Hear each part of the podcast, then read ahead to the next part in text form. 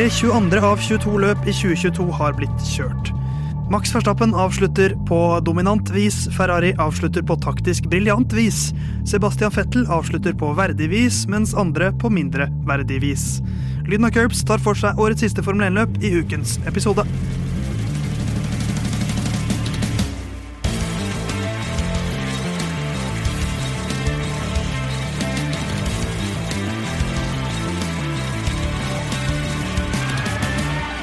Ja, ja, ja, da var det over, altså. 22 av 22 løp har blitt kjørt i eh, 2022, og Max Verstappen han er fortsatt verdensmester, han.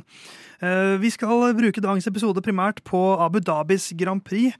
Og så er uh, Formel 2-sesongen over, det skal vi prate litt om. Og kanskje bli litt juletema også, i og med at vi drar oss mot desember.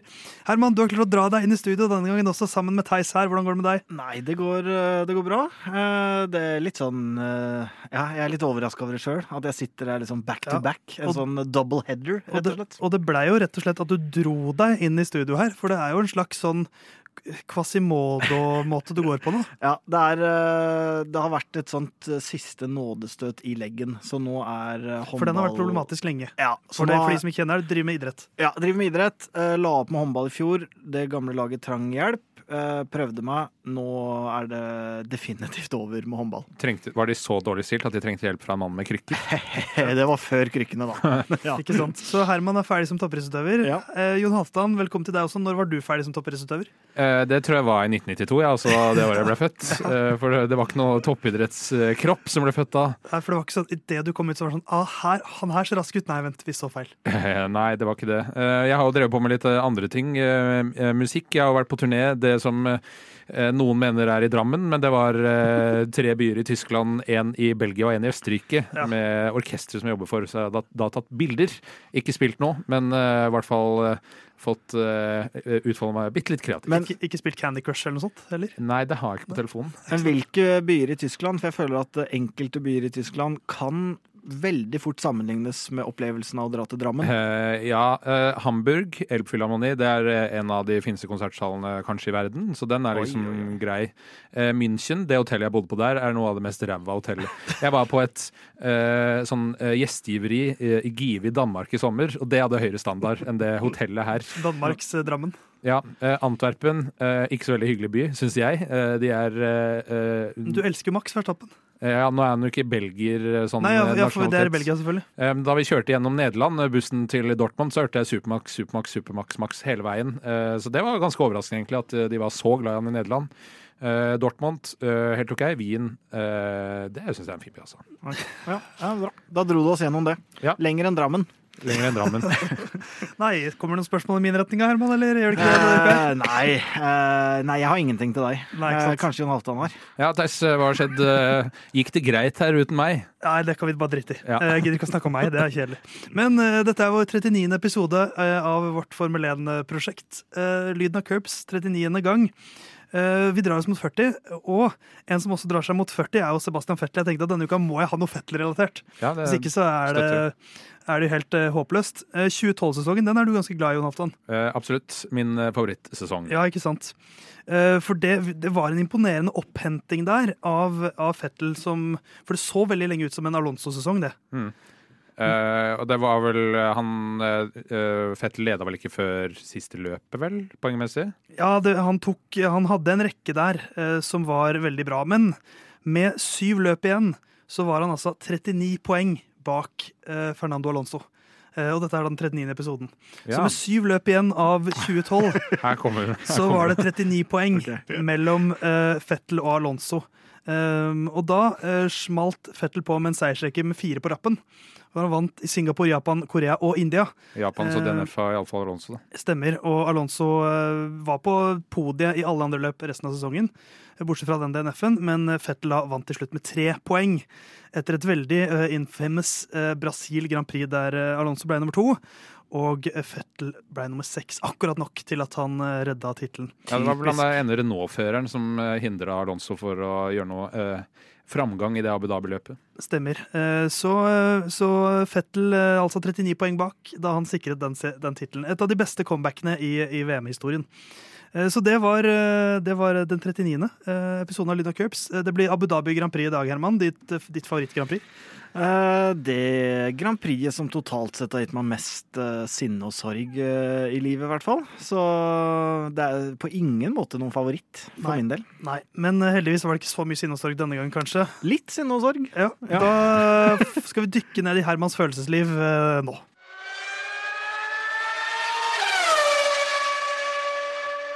Abu Dhabis Grand Prix det har vært sesongavslutningen det de siste årene. Eh, I fjor var det en heidundrende avslutning som skapte provokasjon og raseri, og fortsatt merker vi etterdønningene. Eh, Hver gang jeg nevner Abu Dhabi, så ser jeg at Herman får et ekstra grått hår.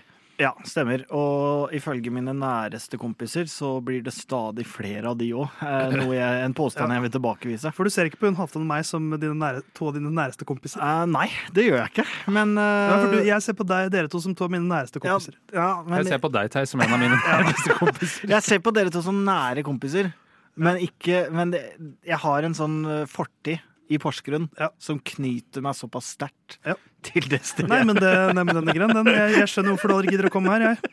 Men uh, vi får legge bitterheten til side. Uh, og Jon Halvdan, det er uh, din tur til å oppsummere et løp igjen. Det er riktig. Siste løpsoppsummering i år, og det er Abu Dhabis Grand Prix. Du har 60 sekunder på deg. Ja. Optimalt sett. Eh, må vi jo da få avregning på det her etter at Herman har sesongen på ett minutt eh, neste uke. Ja, det blir bare sånn spy ut eder og galle, så det skal gå fint. Hermans hjørne. Men er du klar, Jon? Jeg er klar. Da sier vi klar, ferdig, gå. Etter 21 løp i en 22-løpssesong var det få ting som var uavklart. Max Verstappen og Red Bull hadde for lengst vunnet fører- og konstruktørmesterskapet, men Ferraris Charles Leclerc og Red Bulls Sergio Perez hadde like mange poeng før siste løpet, og sesongens siste løp skulle dermed avgjøre hvem som fikk andreplassen.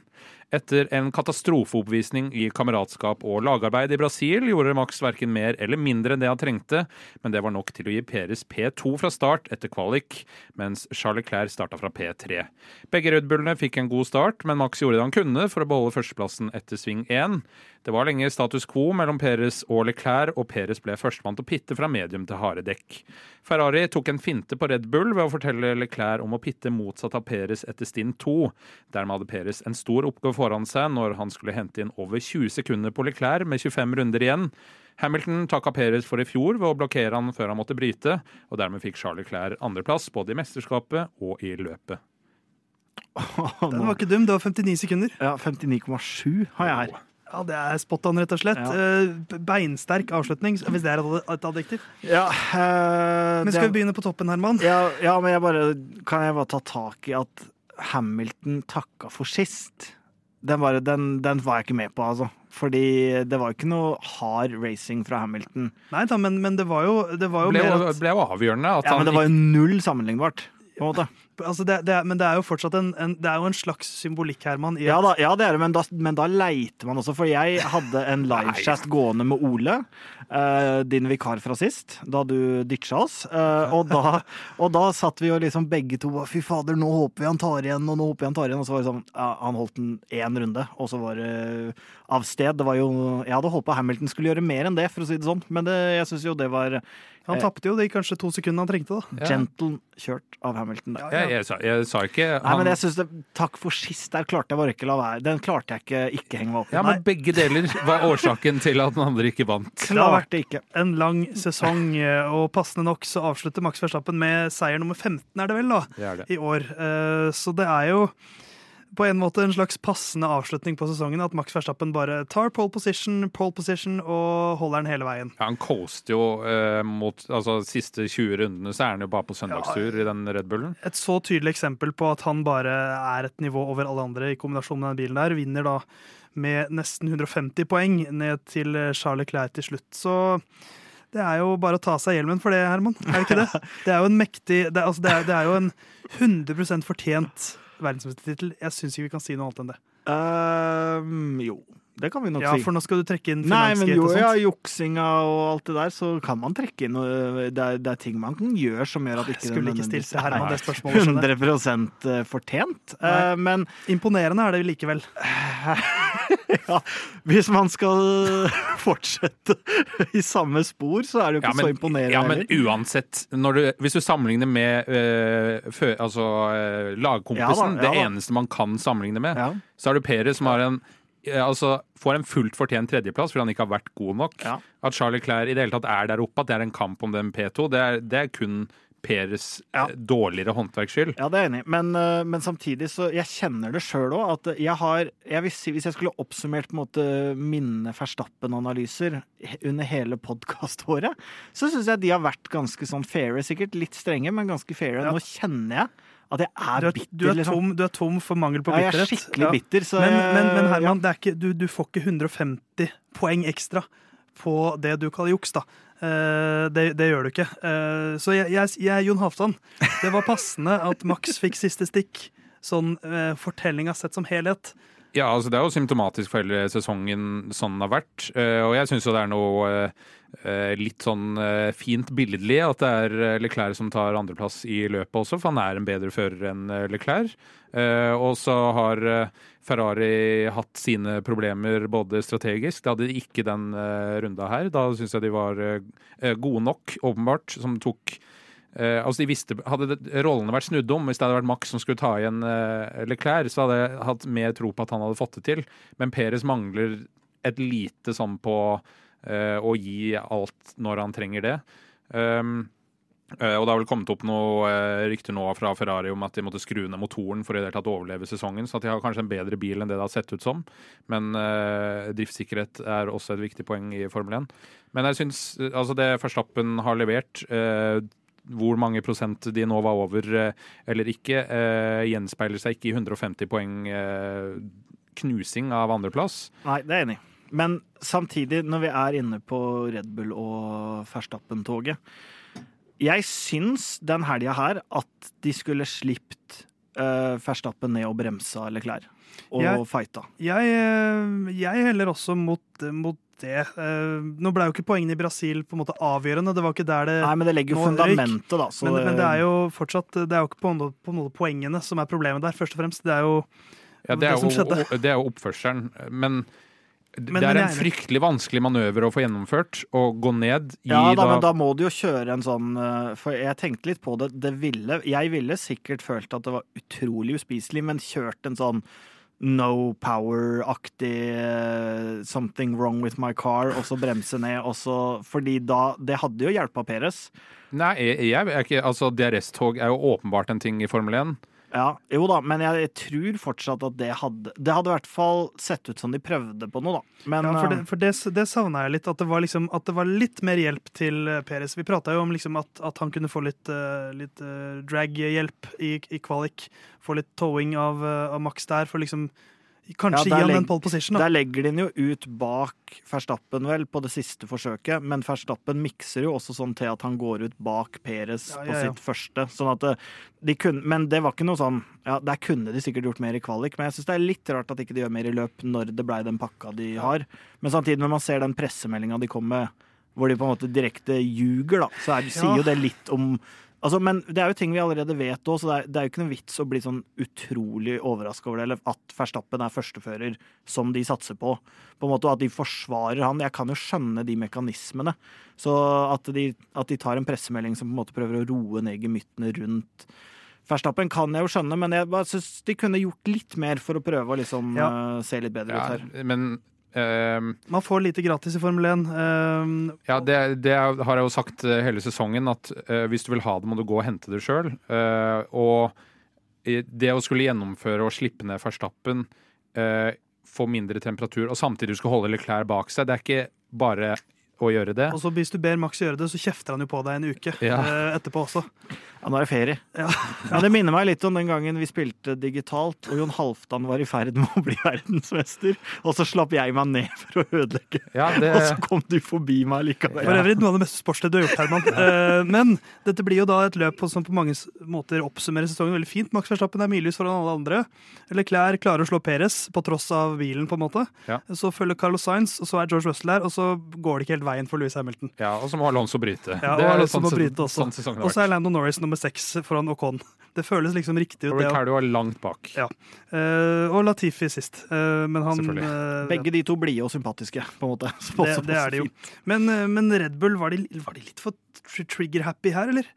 Til å liksom ikke vurdere en one-stop engang. Ja, De var liksom veldig på De, de beit jo rett på det Ferrari gjorde her. Og så se, husker jeg feil, eller setter de Perez på hard på siste?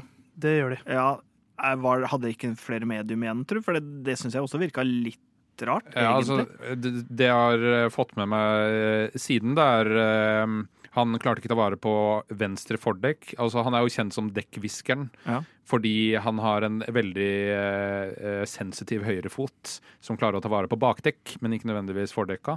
Eh, så han eh, fikk enten graining eller veldig mye slitasje på venstre fordekk på mediumdekka. Satte de han på harde dekk fordi de håpet at det skulle hjelpe. Han sleit også mer på dekka enn det Leclerc gjorde. Eh, Så derfor, Det tror jeg er grunnen til at de tatt setter han på hard når de setter han inn så tidlig. Og han hadde jo en del tempo å gå på, men, men altså, Det er jo trafikken som på en måte blir Eller det er jo selvfølgelig tra trafikken blir tvunget på vektskåla, da. Uten Ja. trafikk så hadde han jo tatt igjen Leclerc. Ja, absolutt. Altså, du har, en ting er at han ligger bak Hamilton litt. Altså, om, altså, det var ikke noe ufint eh, med det. Altså, det var helt normal racing. Så har du med de to som fighter eh, blåflagg, som var vel Gasly ja, og, og eh, Gasly og Albon var det vel som Om 13.-plassen, Ja. ikke Ja. Eh, Så ligger de og ødelegger løpet for Peres. Eller ødelegger eh, og ødelegger, men altså det, alt påvirker jo litt eh, når det er kun de sekundene du trenger igjen. Han trengte nok to-tre runder til enn det som var for å komme forbi Leclerc. Sånn, han avslutta vel 1,3 sekunder bak. Ja, jeg tror to runder. Én for å komme helt oppi, Ja. og to så hadde den kommet forbi. Det er Hadde, hadde han fått DRS, så hadde han fisi forbi, tror jeg. Ja. Ja. Ganske kjapt. Men uh, altså alt, alt påvirker jo. uh, men man kan samtidig ikke skylde noe annet enn seg sjøl uh, for at man ikke klarer å være bedre når man må være god. Det viser jo maks at den bilen var god nok til andreplass her. Og da blir det heller andreplass på, på Skoderiet Ferrari i førermesterskapet, i hvert fall, og også da i konstruktørmesterskapet, med, med Charles Leclerc, da, som hadde en fjerdeplass fra 2019 som beste notering, og etter åttende- og sjuendeplass de siste to årene. Mm. Så er jo dette litt fint for Charles også, tror jeg. I og med at han signerte den lengste kontrakten. I hvert fall da han signerte den. Ja, eh, det kan jo Om det lover godt for framtida, er jo helt umulig å si, men han overpresterer jo uh, iallfall uh, versus Science Ja. i den bilen. Eh, og det har han jo gjort stort sett alle løp. Det er vel Storbritannia og et par andre løp, men som regel vært klart best eh, av Ferrari-førerne. Og eh, vi dømte jo han nord og ned kontra Science fordi han er så uvøren. Det har han vist seg å være også denne sesongen her, men Carlos Sainz har vært veldig uheldig. Ja, Så bedre lykke neste år, Carlos. Vi skal titte litt nedover på resultatlista.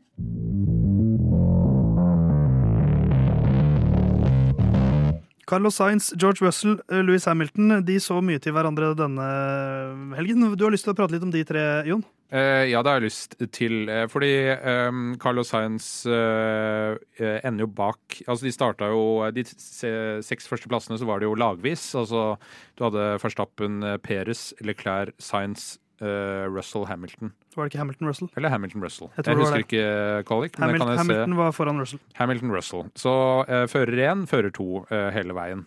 Og så har du Carlos Sainz som blir spist opp av Hamilton på vei inn i sving fem, som er liksom siste sving før langstrekket. Og så prøver Hamilton seg nesten på en forbikjøring på Leclerc. Så har du Sainz som utnytter det å gå på innsida og eh, bremser seint, eh, men ikke for seint. Eh, pusher Hamilton tilsynelatende ut av banen. En reprise fra samme sving i fjor. Hamiltons bil flyr opp i lufta, og han ender opp med å beholde plassen ved å kjøre utafor banen. Og så er det først at Carlos Sainz blir kanskje etterforska for å presse han ut av banen. Det skjer ikke. Eh, og så er det Hamilton som er under etterforskning. Og så begynner de å si at vi har fått beskjed om å slippe forbi bilene, og dette trodde jeg at det skal vi ikke få beskjed om lenger. Dette må laget ordne opp sjøl. Det var vel det, men, men, ja, for det har vel blitt presedens nå, men at det da fortsatt er sånn at hvis de ikke ordner opp, så kan det komme straff. Ja. Det er vel litt sånn det er nå. Men har de sånn- fått beskjed fra Ferrari, da? Eller jeg skjønner ikke helt uh, hvordan det det, Jeg syns det var veldig uklart selv, men, uh, men det blei jo en De slapp unna eh, straff, og jeg syns det er helt fair når man rydder opp. Ja. Fordi det var ikke noe ufint eh, fra noen. Altså At han kjører over der, det er helt greit. Det er det forståelig sikkert når situasjonen blir sånn, ja. um, er en av grunnene til at han ikke fullførte òg, fordi det var ganske bra hopp. Ja, Og det er ikke Og det virka som om hans bil sleit litt Ja, i første del av løpet etter det. ja fordi han uh, slipper jo forbi Science, kjører forbi Science igjen. Uh, og så kjører Science forbi han igjen, og så kommer Russell forbi Ham. Altså, det, så det var veldig mye fighting mellom de tre. Uh, og Russell spurte vel også 'What is happening?' You are free to fight. Og så blir det DNF på Hamilton, hans første mekaniske DNF på veldig lenge. Eh, han har hatt noen DNFs, men det var visstnok den første mekaniske på, på ganske god stund. Eh, Alonso får jo sin 60. i år, cirka. Ja. Ja, Eh, eh, samme antall som hans alder, snart. Jeg vet ikke om du så tweeten etter løpet om at han uh, takka laget, og så var han og se i Aston Ja, Martin sitt rett. hospitality. Han Verdens mest lojale fyr.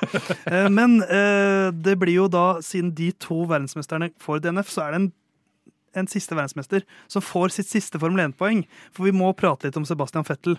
Eh, Han blir nummer ti. Eh, Aston Martin tar eh, ett poeng der, og fire poeng med Lance Stroll som blir nummer åtte. Så de tangerer Alfa Romeo. De får 55 poeng, men det er femteplassen til Bottas fra Emilia Romagna som da blir avgjørende i, i, i konstruktørmesterskapet. Men jeg syns det var veldig fint at Fettel fikk et siste poeng. At han, kjørte et godt løp. Ja, og med verdens verste strategi, som Ja. det virka. Altså, det var, han virka veldig misfornøyd, og det var jo vanskelig å finne ut hva som ga mening når man satt og så på løpet òg. Altså, Det var et interessant løp sånn sett, med Ja. den tostopperen kontra én. ja. så, men øh, ja, han, han var jo ikke happy sjøl heller. Så, Han var, han var så glad med Danke Seb på Haloen. Alt var, det var så god stemning. Og midt i løpet der bare Hvordan gikk det her så galt? Men, men, det er det, men det liker jeg. At han hadde liksom fire in his belly helt til det siste løpet. ja. At det ikke var bare sånn ja ja, gutta, det går fint. Jeg liker at det liksom er Han vil fortsatt prestere.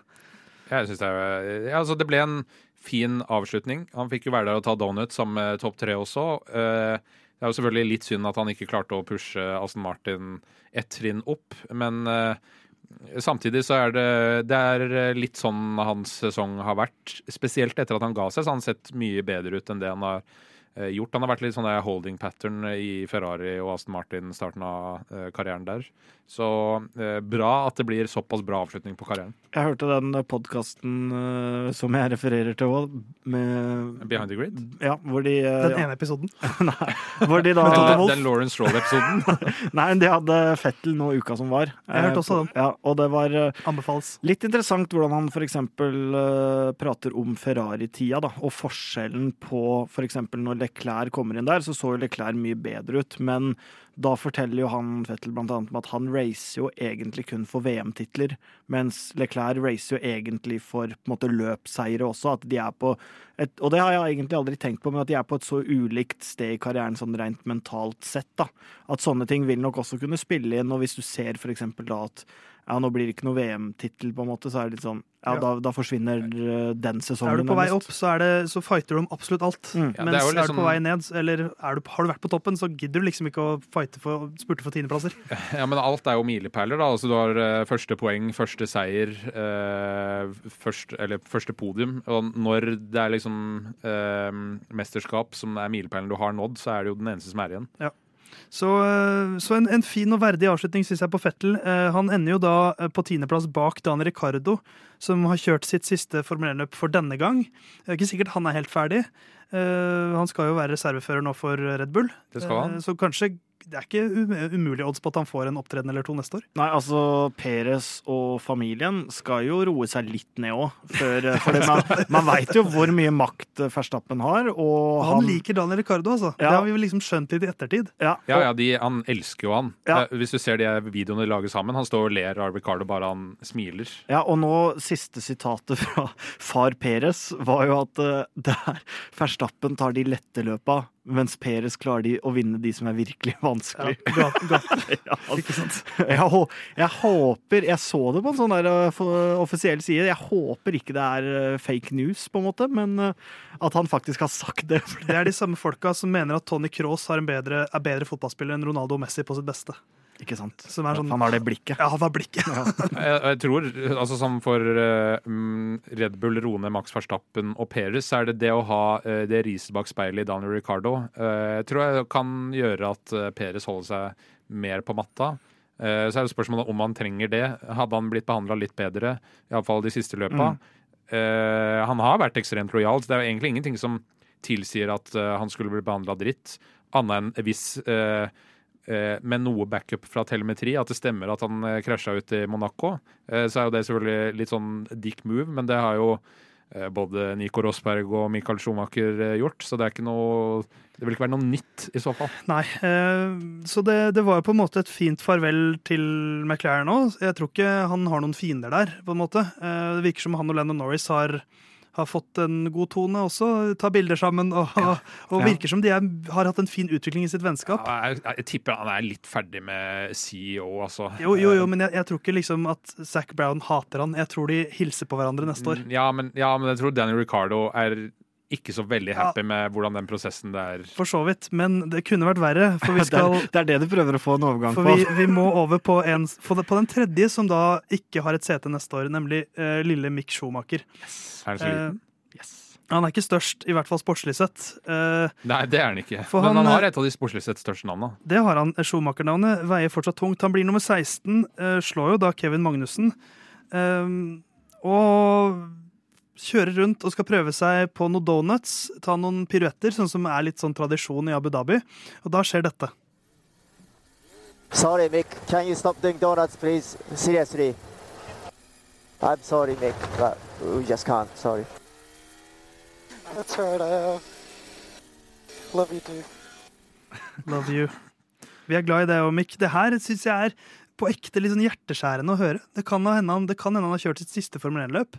Eh, og så skjønner jeg på en måte fra Ha sin side at det er dyrt å ødelegge girkasser osv. Ja, men De skal ikke bruke den girkassa neste sesong uansett. Nei da, men det- ikke hva øh, øh, Det skal pantes, vet du. Ja, Nei, de skal, de skal bruke den til sånn after season ja. testing, som er i Abu Dhabi. Eh, men, men ærlig talt. Ja, jeg syns det er hjerte, hjerteløst. Eh, er, du, selv du, du må innrømme, Herman, det er litt trist å høre på det her. Ja, du hører jo at stemmen hans nesten brister. Ja, det er litt trist, men samtidig så kan jeg på en måte dra en parallell tilbake til da jeg Sheffield. Nei, til da jeg satt Jeg, jeg jobba med en fyr som kom i en sånn sprek sportsbil utafor. Det var Statoil jeg jobba på på det tidspunktet. Så spurte om jeg ville sitte på den her sportsbilen, og så tenkte jeg ok, jeg kan jo det. Og så kjørte den i sånn 180 km i timen, føltes det som. Han kjørte så fort. Og da er du livredd for eget, eh, for eget eh, liv. Og det blir litt som at han skulle lånt bilen min, ikke sant? At da ville jeg vært livredd for hva han kunne finne på. Ja, men, ja, men Sånn at har jo lånt den bilen her to sesonger. Ja, men de er han- livredde for hva han skal finne på. Hvis han skal låne bilen din, og han er Han, han, er, han har en uh, permanent døds... Altså, han vet han kommer til å dø om tre dager. Ja. Eh, du, da, da hadde jeg latt han gjøre nesten hva han vil med bilen min. Ja da, det er litt sant. Det er, liksom, det er siste bilturen han får. Ja. på. Ja, det er sant. Da kunne han tatt den Ford Fiestaen jeg hadde på Det, han, han har, altså, Mick, det eneste han har sett fram til nå, når han er sånn Han har blitt behandla, blitt dratt eh, etter beina langs cruisen ut av Altså bare blitt pissa på av Genter Steiner, og så er det nå OK, iallfall. Jeg skal kunne få ta donut med min helt Sebastian Fettel siste løp i Abu Dhabi. Og så kommer Sure-Petter og bare slutt med det. Ja, og det, ja, det Toto Wolff sa om, om uh, Gynter Steiner sin behandling av Mick Schumacher at uh, Gynter kommer fra oppe i fjellene, lufta er tynnere der, så det er vanskelig å tenke klart. Uh, de har jo det som en slags De internspøk, ja. og de, de kødder mye hverandre og kjenner hverandre godt, så det er jo at han kødder med en kompis. Ja. Men jeg syns fortsatt at Gynter Steiner uh, Kaktus i posten til Gynter. Ja. For ja, Mick Schumacher har ikke vært så forbanna god i år, men det må være mulig å behandle folk ålreit. Han har tross alt tatt poeng, uh, som er bedre enn uh, Og ikke ta poeng. Ja, en masepinn, altså de, de andre rævaførerne de har hatt innom. Ja, Men samtidig, det tenkte jeg på nå, hvis jeg hadde vært Mick, sitte i den bilen Jeg kommer jo ikke til å kjøre for et lag som, som eh, er leda av Gynter lenger. Altså, det er jo bare å ta de donutsa. Tenkte jeg. på. Hvorfor ikke? Ja, du skal gjerne snakke med det etterpå, da. Ja, det er Ja, litt, men hva så? men det er litt det med å skaffe seg unødvendig Ja, altså, den- og, og, og, og, og lukke enda flere dører. Men jeg hadde sittet der og spinnet. Ja. Det er ikke noe tvil om, i hvert fall. Det hadde du. Men, eh, men jeg sender noen varme tanker til Mick. Eh, Ikke gi opp, Mikk. Det kan hende at det fortsatt kan bli Formel 1 ut av deg. Eh, Og så skal vi over til en som virkelig har levert i årets sesong. Vi skal oppsummere vår tipping.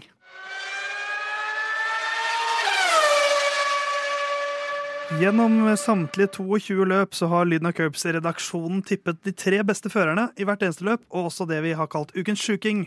Og vi prøver å spå en vill eller sjuk hendelse som skjer i løpet av eh, løpshelgen. Eh, og det har gitt et slags sammendrag eh, hvor det har vært en som har gitt det, var, det, er, det er på en måte tre historier. Det er en som begynte knallbra.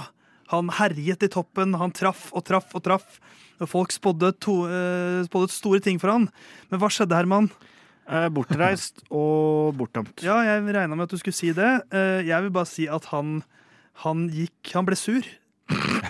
og, og valgte å slutte å, å, å delta. På et tidspunkt her, jeg tror nesten vi kan se datoen. Det var i hvert fall før Brasil. Da var, da var han ferdig. Ja. Da, da gadd han ikke være med på leken mer. Eh, for da var det eh, eh, sånn protest-tipping. Men eh, det var jo også en mann som lå lenge lå langt bak. Ja, eh, folk det lo av han, folk sparket han, folk eh, dyttet han, Nei, folk de var han. veldig, veldig snille med ham. Fordi Ja, de var. Jeg, De var det. jeg ligger så langt bak, jeg må få det her. Mens jeg, jeg er alltid lagt der midt mellom. Ja. Jeg avslutter der jeg begynner sesongen. Ja, for, for Herman er sist, det må vi si. Han Ja. fikk hvor mange poeng? Eh, nei, vi, først skal jeg oppsummere hvordan det har gått eh, den helga her. Ja, gjør det, gjør Fordi topp tre så tippa Herman eh, Kevin Magnussen, eh, Mick Schumacher og Lance Stroll. Strulovic, takk. og det ble jo da eh, null poeng. Eh, han tippa også som ukens sjuking. Kevin Magnussen er topp tre. Eh, det var han heller ikke. Eh, Jon Halvdan, altså meg, jeg tippa Peres på førsteplass, Verstappen på andreplass og Charles Leclerc på tredjeplass. Det er de tre pallmennene. Eh, de, ingen av de er på riktig plass, så det gir tre poeng. Eh, Jeg tippa også da at Fettel er ute av løpet før det har gått 15 runder, eh, med inkludert Latifi og Ricardo. Du var ikke her neste uke, og da skrus det til. Jeg var ikke her forrige uke. Er det ikke her neste uke, eller? Vi får håpe at det er neste uke. Eh, Theis eh, han eh, kopierte meg, for han fikk jo de her inn litt tidligere. Og så valgte han å legge inn en sånn liten wildcard på slutten der. For han visste jo det eneste jeg trenger er like mange poeng som Jon Halvdan for å vinne. Han tippa da Peres, eh, Verstappen og Hamilton. Hamilton brøyt. Han tippa som ukens sjuking Sebastian Fettel får Aston Martin forbi Alfa Romeo. Han gjør det på de ti siste rundene. Og det var ett poeng unna, men ett poeng. Ja. Dette er binært. Ja eller nei? Dette er nei. Men jeg syns det var gøy, at, at det, for det ga meg mye ekstra. Det merket jeg på slutten. Sånn, Ja. Da jeg så åh, Tenk hvis jeg avslutter med å få Ukens sjuking. Ja, det var bare tre tideler unna også. Uh, Ole han uh, tippa da Hamilton på førsteplass, Russell på andreplass og Charles Clair på tredjeplass. Eh, det gir da ett poeng, for han har klær på pallen. Hva var Eh, hans ukas, ukas sjuking? Nei, altså Her er jeg borte da i én sending, og da ramler alt ifra hverandre. For her er nemlig et eh, tomt felt Ja, i eh, regnearket. Eh, så vi er litt usikre på hva ukens sjuking til eh, Ole er, men den gikk sikkert ikke inn. Nei, og det, var, det er jo gjestene, og det er liksom, de er jo så langt bak med 45 poeng. Eh, Det er de. Eh, og så lurer jeg på om vi skal gjøre sånn. Eh, da ble det en eh, liten feil her. Eh, ja. Eh, bakerst gjestene, normalisert til 66 poeng eh, i løpet av hele sesongen. Eh, Herman på andre, tredjeplass. Får ikke noen gratisplassering her. Eh, med 88 poeng. Så kommer jeg, slått på målstreken med 112 poeng, av Theis med 114. Så gratulerer, Theis. Veldig bra jobba. Det er, det er helt rått. For Du satte Verstappen på førsteplass flest ganger, Ja. Og slett.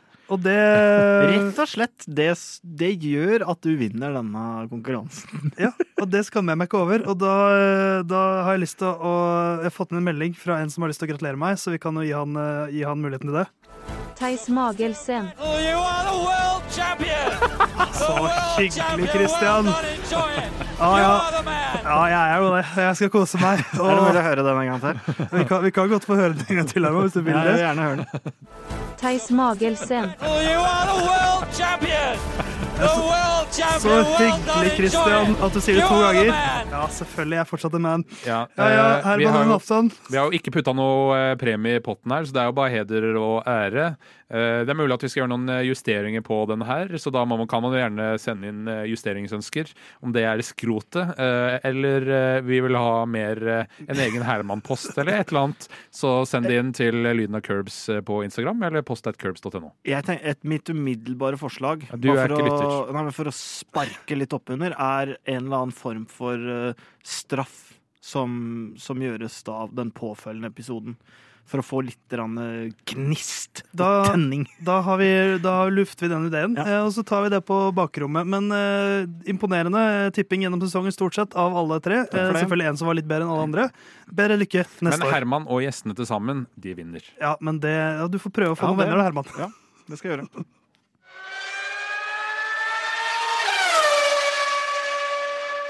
Formel 1 er over. Det er også Formel 2-sesongen. Og for første gang har en nordmann fullført en Formel 2-sesong. Dennis Hauger.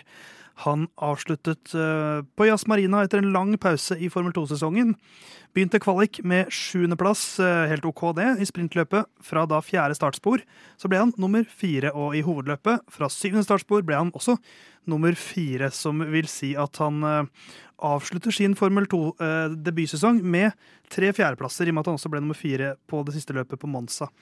Så, øh, og nå har han jo fått beholde Red Bull-backing også, har blitt kjent. Avslutter fint, syns jeg, Dennis. Det var jo dette vi ville ha av han i hele år. Kjøre stabilt. Topp fem. ja. ja. Stemmer. Eh, det er jo i hvert fall ja, det er i hvert fall bedre det enn de der svingningene. For hver gang det har gått eh, litt bra, så har det også vært perioder med, hvor ting har gått eh, forferdelig. Så det er den stabiliseringa man ønska, da. Jeg så uh, kun kvaliken av det her i helga. Det beste hadde sikkert vært å bare ljuge og bare lese resultatene og si at jeg ikke har gjort det. Men jeg prata med, med Ole, uh, vikaren, som sa at eh, sprintløpet var kjedelig, men jeg kunne se de tre siste rundene, og det gadd jeg ikke. og så var eh, det løpet på søndag for tidlig for meg, rett og slett. Å se ting i reprise, det gidder ikke du. Nei. Men øh, det gjør jeg, og jeg syns Dennis så bra ut. Han begynte, han starta veldig bra, veldig startrask i begge løpene. Offensiv tydeligvis med, med albuene ute. Og så var han litt slapp etter en restart etter en safety car også, som gjorde at han, han tapte litt liksom, momentum der. Men hvis vi zoomer enda litt mer ut, de siste seks løpene, så er han topp fire i fem av dem. Uh, så, så jeg, jeg syns jo han avslutter veldig, veldig bra. Ja, han- og jeg er optimistisk for neste sesong. Ja, Han tar jo poeng i alle de eh, løpa i de tre siste rundene. Eh, og det var jo da etter en eh, trehelgers eh, donut eh, med, i alle løpa. Eh, altså Han tar 115 poeng. 11 poeng Jason Jason, er det han heter? Eh, det er vel ikke det? Daruvala. Jahan Daruvala. Eh, som eh, jeg syns er eh, litt mindre enn godkjent. Eh, jeg syns han burde være forbi han i denne sesongen her, og debutsesong og bla, bla, bla. Men uansett. Eh, Men topp ti til, til slutt er akseptabelt. Men jeg syns det er en OK minus-sesong. Enig? Ja, enig, men vi får håpe han kommer seg forbi Jason. Ja, vi håper det. Jason Derulo, som vi skal kalle han nå, tror jeg. Ja, neste, neste sesong. For de skal kjøre sammen i MP Motorsport. Ikke samme bil, da, som Jon Halvdan liker å presisere, men de er lagkamerater i hvert fall. Ja, og det er jo en uh, makker, eh, holdt jeg på å si, som han bør vise ganske tydelig at han slår. For det blir vel, hvis jeg husker rett, fjerde året til Daruvala i Formel 2. Det stemmer vel. Som jo viser at eh, Som på en måte sier noe om at han kan jo kjøre bil, og kan jo kjøre Formel 2, men som også viser at han mest sannsynlig ikke skal noe sted. Nei, altså En sesong som har vært kalt Det er et litt svakt nivå på eh, F2-griden. Så når det er da du er ferdig med den tredje sesongen og du tar sjuendeplass eh, Det samme som han hadde i fjor for øvrig. Syvendeplass. ja, og starter på din fjerde sesong, så er det sånn Når er nok nok? Og så, så jeg tror nok Jason Derulo vet at han ikke kommer til Formel 1. Mm. Men, men, eh, men det fins jo mange andre motorsportgrener å drive med, eh, så det finnes nok en plass for han også. Hvor tror du han ender opp? Nei, Kanskje på Telenor Arena, da. Jason Derulo kan sikkert selge ut den. Ja, det er sant. Ja. Ja. Men- Eh, Le men- Mans men- er jo Kevin Magnussen skal jo kjøre, eller har kjørt, eh, Le Mans. Eh, Mick vet ikke om han er, skal innom der. Men, men, eh, men det er jo neste sesong som står og faller litt, tror jeg, på om Dennis Hauger noen gang kjører Formel, eh, Formel 1. Jeg tror ikke han må vinne. Men sånn som det, det viser jo historien at du, du må ikke vinne på andre Nei. sesongen, typ, men veldig ofte så gjør du det. Ja, jeg tror heller ikke du, han må vinne, og jeg tror heller ikke han må eh, gjøre det sykt bra neste år for å komme til Formel 1, men det er nok den desidert beste sjansen han har. Skal han inn i Red Bull, så må han nok kanskje vinne. Ja, Men eh, alle kan ikke bli Max Verstappen, og jeg vet Jeg, jeg, jeg ser ikke på Dennis Haugur som en Verstappen-Hamilton-talentnivå. nei. Det er ikke der han er, men, eh, Men- foreløpig. 2022-sesongen var første um, sesongen til Logan Sargent, Ja. Som da går rett inn i et Formel 1-lag. Så har du Felipe Men det hjelper å være amerikaner. Eh, Ja, det det gjør det i et amerikanskeid eh, lag, men Felipe Drogovic er også ferdig med sitt tredje, tredje, sesong, ja. og går inn, som, inn i akademiet til eh, Aston Martin. Så Så er det å jo- gjøre det på en av de to første gjør at du, du er, blir mer attraktiv enn å uh, trenge så sinnssykt mye tid. Det ser du bare på Mick, eh, som ikke klarte det i sin andre sesong heller.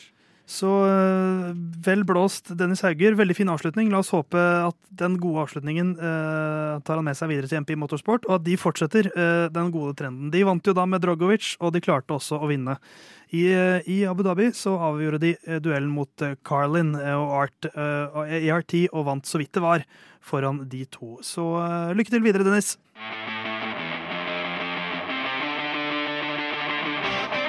Sesongen er eh, ved veis ende, og vi skal ta en liten sånn oppsummering av hvordan eh, de ulike lagene har gjort det. Hva syns vi om eh, de forskjellige lagene, de ti konstruktørene som vi har?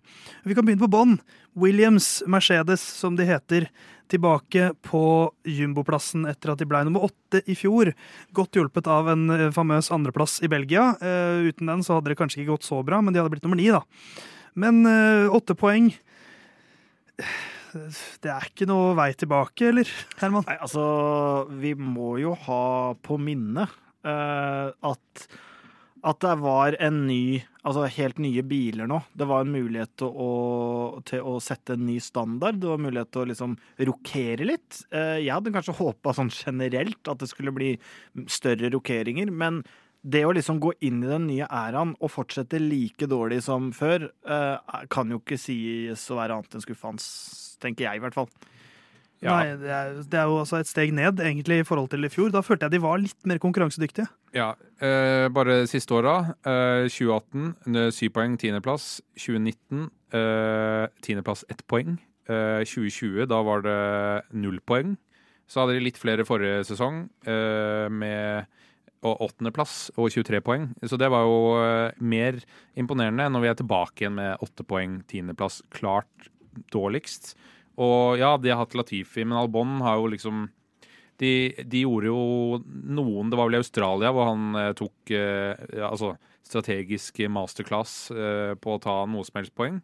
Men ellers har de sett liksom utrolig stakkars ut. Jeg vet ikke hvor de åtte poengene har kommet fra engang. Fordi det er eh, det virker som de bare snubla inn i det i så fall. Er det Monza, var det ikke der de fant eh, farta? Hvor de hadde den vanvittige farta rett fram? Og knallsterk niendeplass på Monsa. ja, man fikk ikke De Vries, eller hva han heter, også? Det var vel eh, ja, De har Det 9. og poeng. 15.-plass på Monza.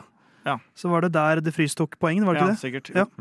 Eh, så det er jo Man trenger kanskje noen år før man begynner å se noen effekter av et eventuelt budsjettak. Eller hvis de effektene er der. Ja, og, Men jeg tror ikke Williams skal liksom slå seg opp av den grunn. nei, men, men, Men Kanskje de kan være litt mer konkurransedyktige og ikke være på ettsifret antall poeng, men kanskje de kan få en 30-40 poeng, da. Ja, altså, det var jo eh, dårlig vannstyre av Williams-familien. Og nå har de her Doralton Capital kommet inn med både penger og nye team, team principle eh, før forrige sesong. Eh, eller i løpet av sesongen som var i fjor. Så det vil jo ta litt tid før det liksom eh, bærer frukter. Eh, man har jo sett det litt med Alfa Romeo, som tidligere het Sauber, at de Alfa Romeo-pengene som har kommet inn først, kanskje har liksom gjort seg litt gjeldende i år. da. Så det, det vil jo ta litt tid, men eh, det, altså, det er bekmørkt og vil være bekmørkt noen sesonger Ganske til. Ganske svakt, rett og slett. På plassen over, Alfa Tauri, eh, 35 poeng i år. De hadde jo da en sjetteplass i fjor med 142 poeng, og så er det eh, over 100, 107 poeng mindre i år. Eh, og jeg må innrømme, Alfa Tauri, jeg kan ikke huske at de har vært med i år. N- Nei. Selv om de har flere poeng, så husker jeg Williams bedre. Fordi at Alfa Tauri har bare vært anonyme, Sunoda og Gasly.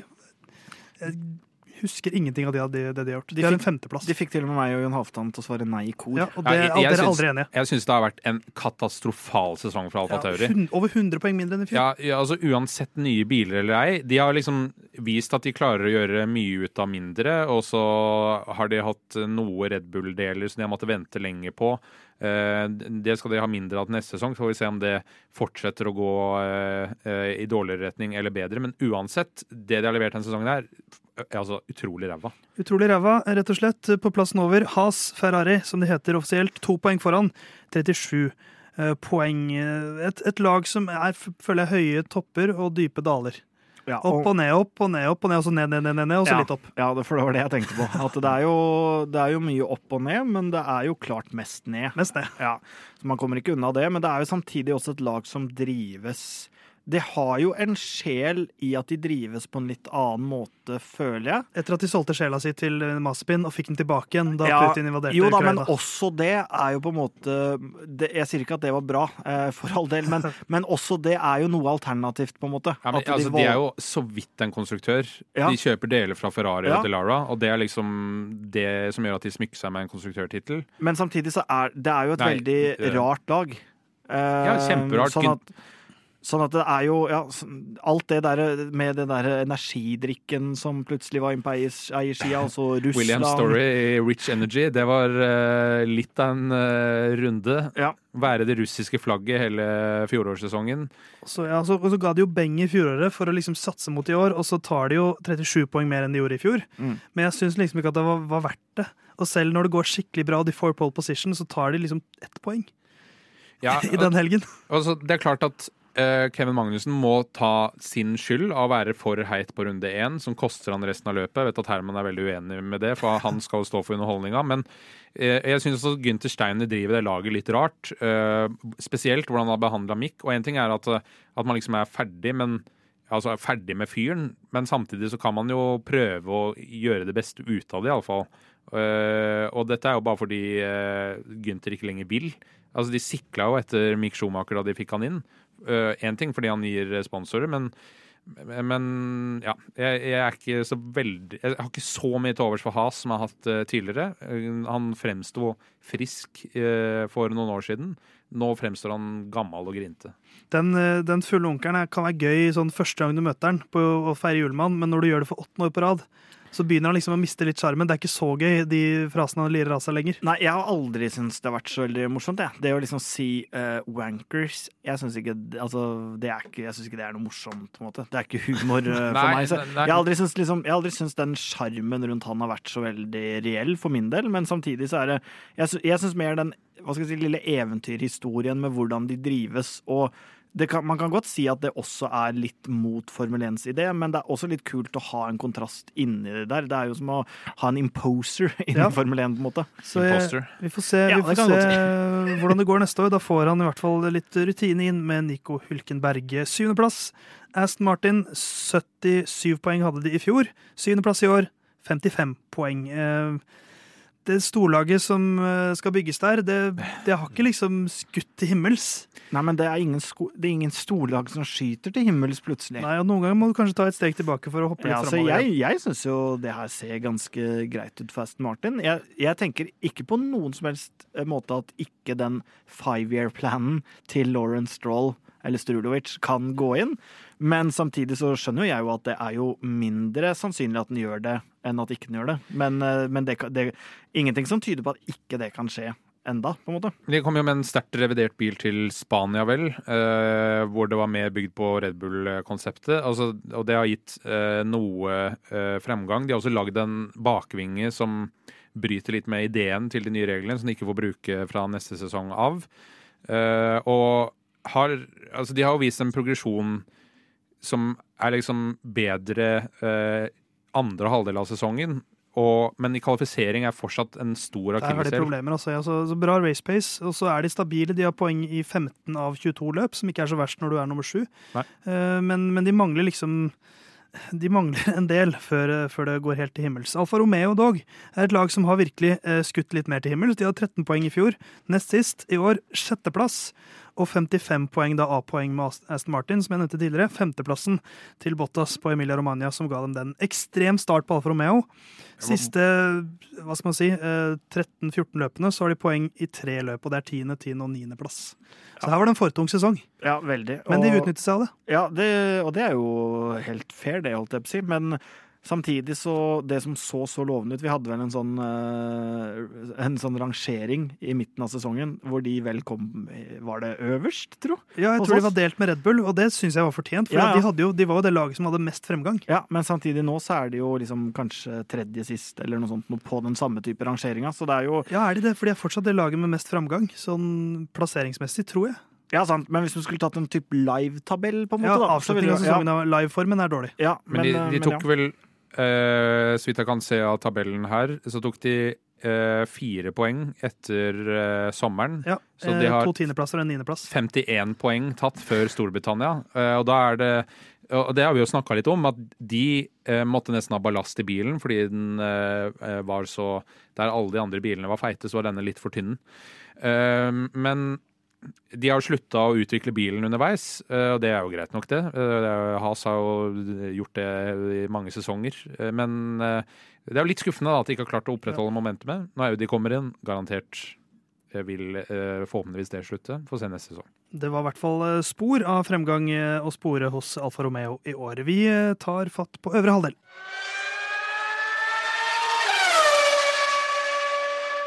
I fjor så var McLaren laget som pusha eh, topplagene. De var liksom der og utfordra Ferrari og Red Bull og, og Mercedes, og de klarte også å vinne et løp eh, i Italia. Og de er det eneste Altså, de er det, det første laget i vår gjennomgang her som har en podieplass. Eh, men femteplass på McLaren og eh, godt slått alpint på slutten. Eh, skuffende. Laget som Her har de potensialet. Ja. De har jo på en måte det, den, den ballasten som Williams ikke har lenger. Ja, det er jeg helt enig i, og jeg tror hadde man eh, ikke gjort eh, regelendringer og bilendringer, så hadde de vært høyere oppe. Um, sånn at jeg tror jo den nye æraen har gjort at de Altså, de har ikke gjort, håndtert den så bra som de kunne og burde, og har jo da mest sannsynlig må lide litt av det, da. Så der er det litt De slett må lide at de har gjort en dårlig jobb. Ja, det er litt slett håndverk, rett og slett. Eh, Norris har kjørt bra gjennom sesongen. Ricardo har eh, Kjørt ræva gjennom hele ikke sesongen. det, nei. Har fortsatt sin negative utvikling. Ja. Men eh, Lando Norris må ha fullført den sesongen der og Da føles det som han ikke har vært med noen andre. For han har jo vært for rask for å være i midtfeltet og for treg til å være med i toppfeltet. Så han har bare vært i den der Uh, idiot Ferrari-klassen uh, fra fjorårssesongen. Uh, og har liksom Jeg tipper det er litt der bilen ligger, og Ricardo har underprestert til Ja. 1000. Så han, men han, det har jo Norris vist at han har vært uh, Han ble nummer seks i fjor i en da bedre bil, og ble nummer sju i år i en dårligere bil. på en måte. Så han, Ja. jeg, jeg føler han er Han fikk flere poeng i fjor, men jeg føler sesongen i år var bedre.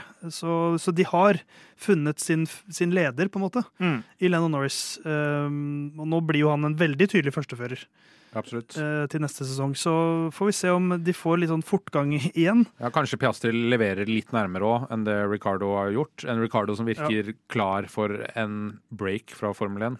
Så blir det en helt ny dynamikk også når de har eh, en som kom, er på vei oppover, eh, enn en som er uh. Ricardo. Alpin de har eh, fin framgang. De Fjerdeplass, eh, 173 poeng med ganske mange DNF. Så det er jo da bytte mellom McLaren og alpin i forhold til fjoråret. Eh, det, det lå vippa lenge, men de, de tok det til slutt. Ja, jeg sa jo eh, da Alonso hvorfor ingen ville til alpin, og det har liksom begynt å tegne seg et litt tydeligere bilde av hvorfor ingen vil til alpin, med eh, sjette DNF. eh, de fleste av mekaniske årsaker for eh, Alonso. Eh, og det, altså det er lag eh, som jeg begynner å forstå at folk mister litt tålmodigheten med. For de har en ganske god bil som En motor som blir pusha fart. Jeg vet ikke. Uansett. Eh, akseptabelt, men eh, likevel dårligere enn det burde vært. Ja, det, vi, vi mangla det, det var jo en jevn og spennende kamp mellom alpin og McLaren, men jeg syns det var litt kjipt å se at de var liksom For alpin har jo ingen podieplasser i år. Så McLaren er det eneste laget av de som ikke er på topp tre, som har det. Eh, Men alpin var liksom De var så langt unna de tre beste. Så det var litt, det var, jeg savner litt den følelsen. At de som ikke er helt i toppen, kan liksom utføre av og til. Ja, jeg kan også nesten se for meg at uh, McLaren har hatt en bedre bil enn alpin ja, sesongen over. For jeg syns jo Alonso og, og Ocon har kjørt ganske sånn jevnt. Det har ikke vært sånn voldsomt mye spektakulære har ingen podiumplasseringer, blant annet. Alonso har vært inne på noe stort tidvis, og så har det skjedd noe gærent, enten at han måtte bryte eller noe annet. Så, eh, og Ricardo har jo på en måte bidratt så å si null. Um, så det er litt Jeg syns det blir spennende å se neste år om noen av de klarer å ta et eh, bygst, eller om de skal kjempe videre. For de, de virker til å være ganske tette, da, i hvert fall. Så eh, tett der. Og så hopper vi oppover til Mercedes, eh, som har herjet i den forrige æraen. De taklet heller ikke overgangen til denne nye æraen. De trodde de var geniale med no-pod-konseptet sitt.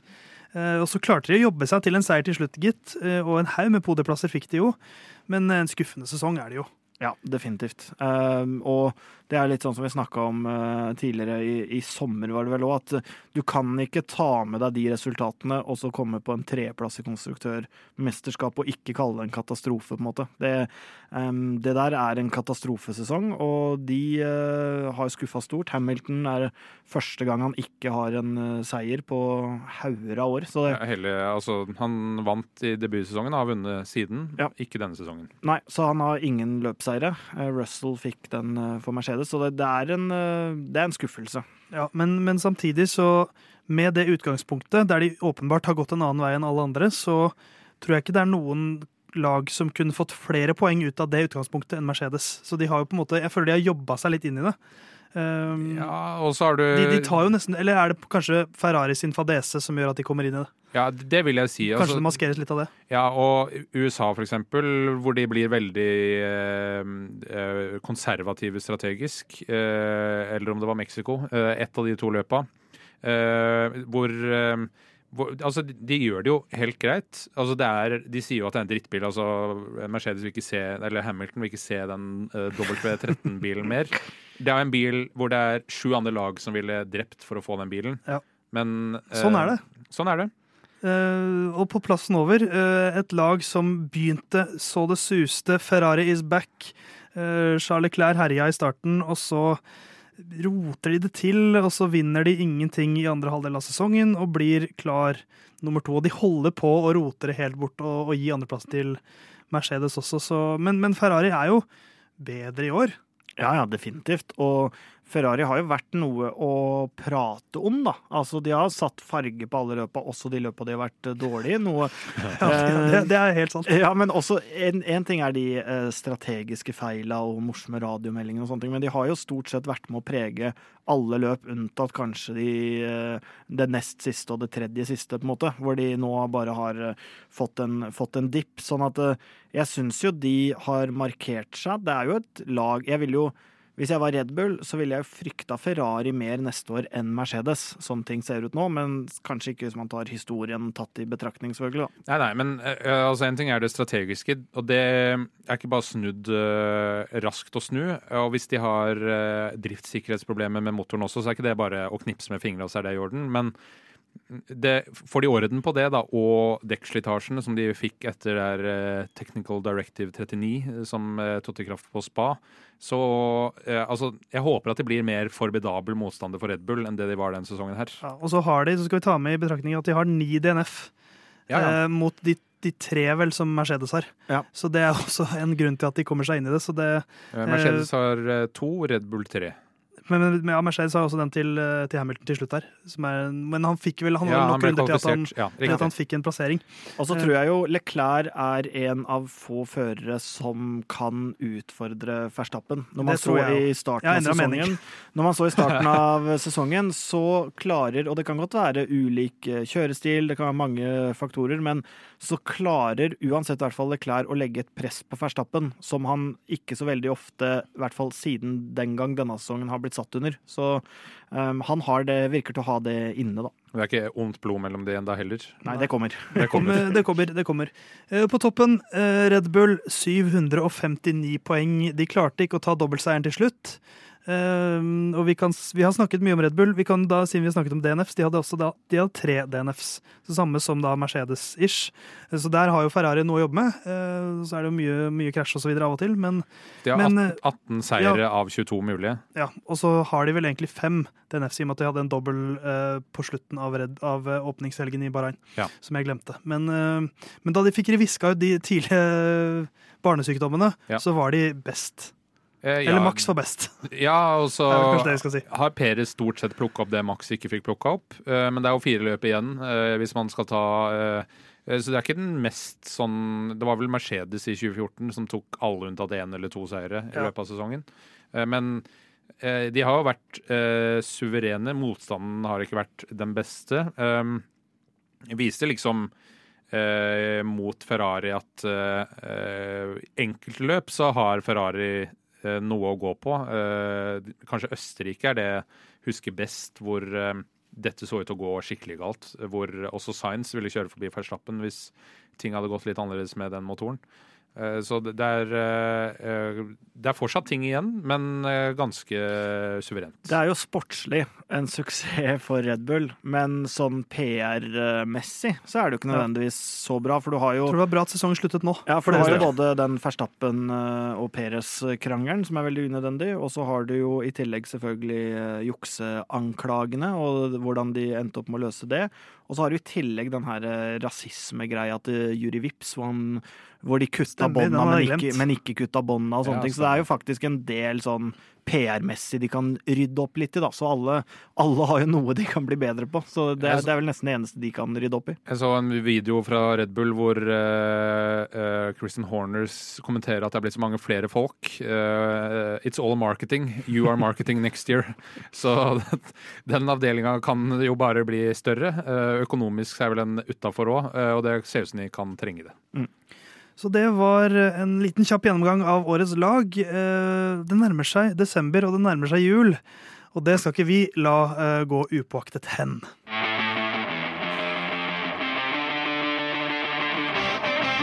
Du likte den overgangen, Herman? Ja, det var noe, det var noe grovt over den hen.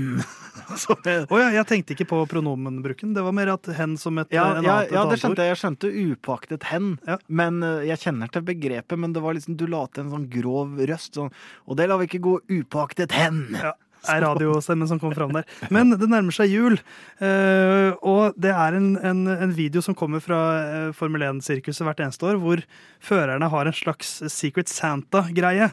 Eh, hvor alle førerne skal kjøpe noe til en annen fører, og så skal de prøve å gjette hvem det er som gir dem eh, den gaven. Da Og da tenkte vi hvilken fører ville vi helst at skulle kjøpt gave til oss? Ja. Um, og da er det jo sånn, det er jo, virker som det er sagt ja, de, de kjøper jo ikke en PlayStation 5 nødvendigvis. De har jo uendelig med penger. De kunne kjøpt en ny Tesla til Herman, eksempel. Ja, Den som ikke Eh, piper. Men eh, det er men vel noe hvem- sånn 100 dollar eller et eller annet. Ja, men hvem, hvem hadde liksom gitt oss den beste gaven? Eh, og jeg, jeg føler det er noen de kan luke ut med en gang. Jeg tror Max Verstappen Ja. gir, gir så faen i sånt. Ja, ja, det tror jeg sånn Det er noe iskalde greier. Han, han må få en assistent til å sånn Hva er den vanligste gaven? Ja. OK, men fiks det, liksom. Så Får jeg en sånn kjedelig boblejakke Ja, det er noe helt upersonlig, i hvert fall. Uh, og så er det jo sikkert litt sånn eh, Louis Hamilton, for eksempel. Han er nok den føreren som er lengst unna å leve Ja, et vanlig liv. Da får jeg noe vegansk hundemat eller Ja. noe sånt. Ja, el, ja, det Det er er sånn no, no flight pass, hvor du ikke slipper inn på flyplasser. Ja, så han, han har nok eh, størst avstand til virkeligheten, vil jeg tro. For han, han er litt eh, Hollywood-type. Jeg tror også at Sebastian Fettel er, han er veldig snill, men jeg, jeg, altså til jul Jeg er miljøbevisst, men jeg har ikke lyst til å få bier i, i julegave. Her har du en geit i eh, Egypt. Og det er veldig hyggelig, det, men det er ikke det jeg har lyst på. Så, så jeg hadde ikke Det hadde vært hyggelig, og jeg hadde liksom, hjertet hadde følt godt, men jeg hadde fortsatt blitt sånn ah, skuffa.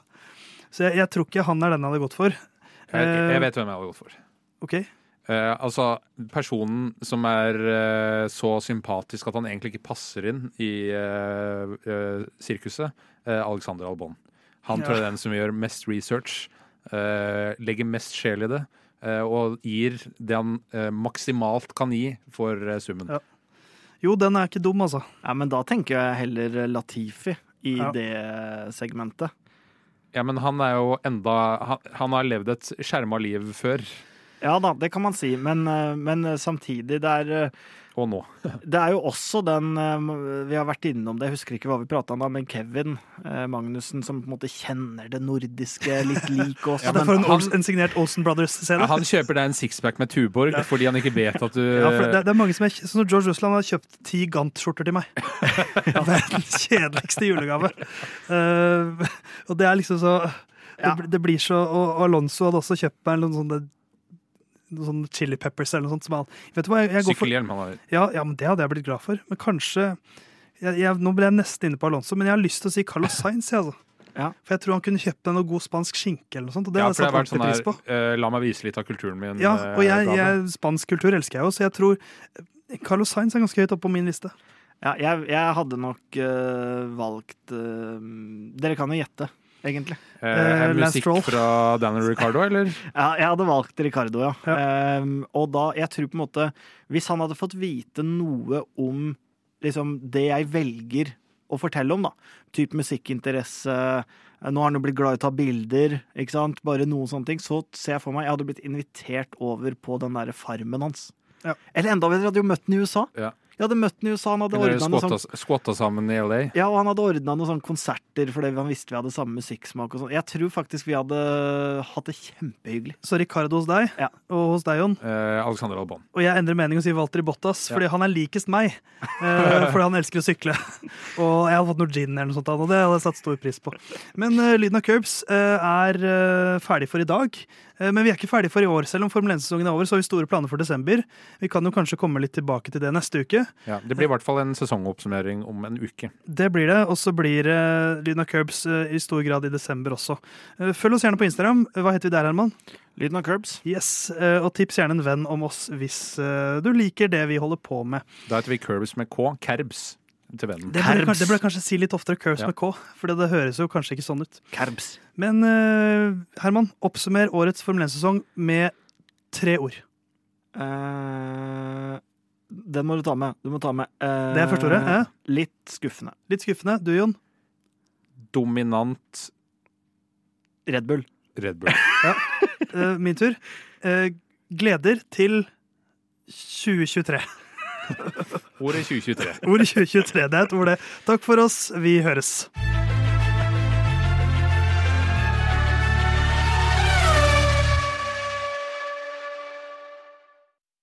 Good luck this weekend, Stroll. Thanks.